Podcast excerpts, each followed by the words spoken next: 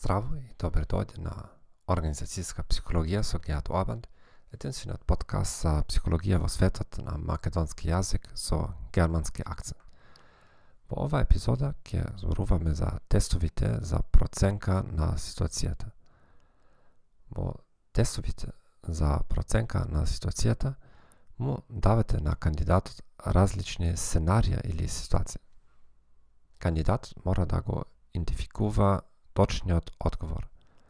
Во некои тестови, кандидатот мора да каже само дали се согласува или не со одредени одговори.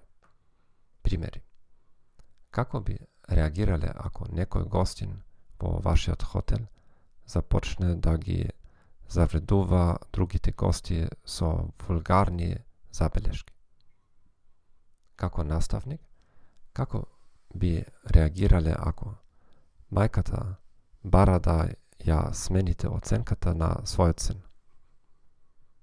Тестовите за ситуационна проценка имаат релативно висока валидност. Постојат стандартизирани тестови што можете да ги примените за вашата компанија. Можете исто така да креирате своји специфични тестови за одредени работни ситуации. Проблемот во ваквите тестови е како да се поделат поени на резултатите.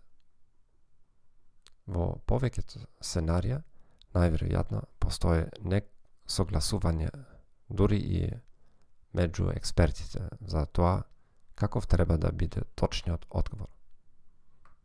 Еве неколку пристапи за тоа како да доделите поени на резултатите.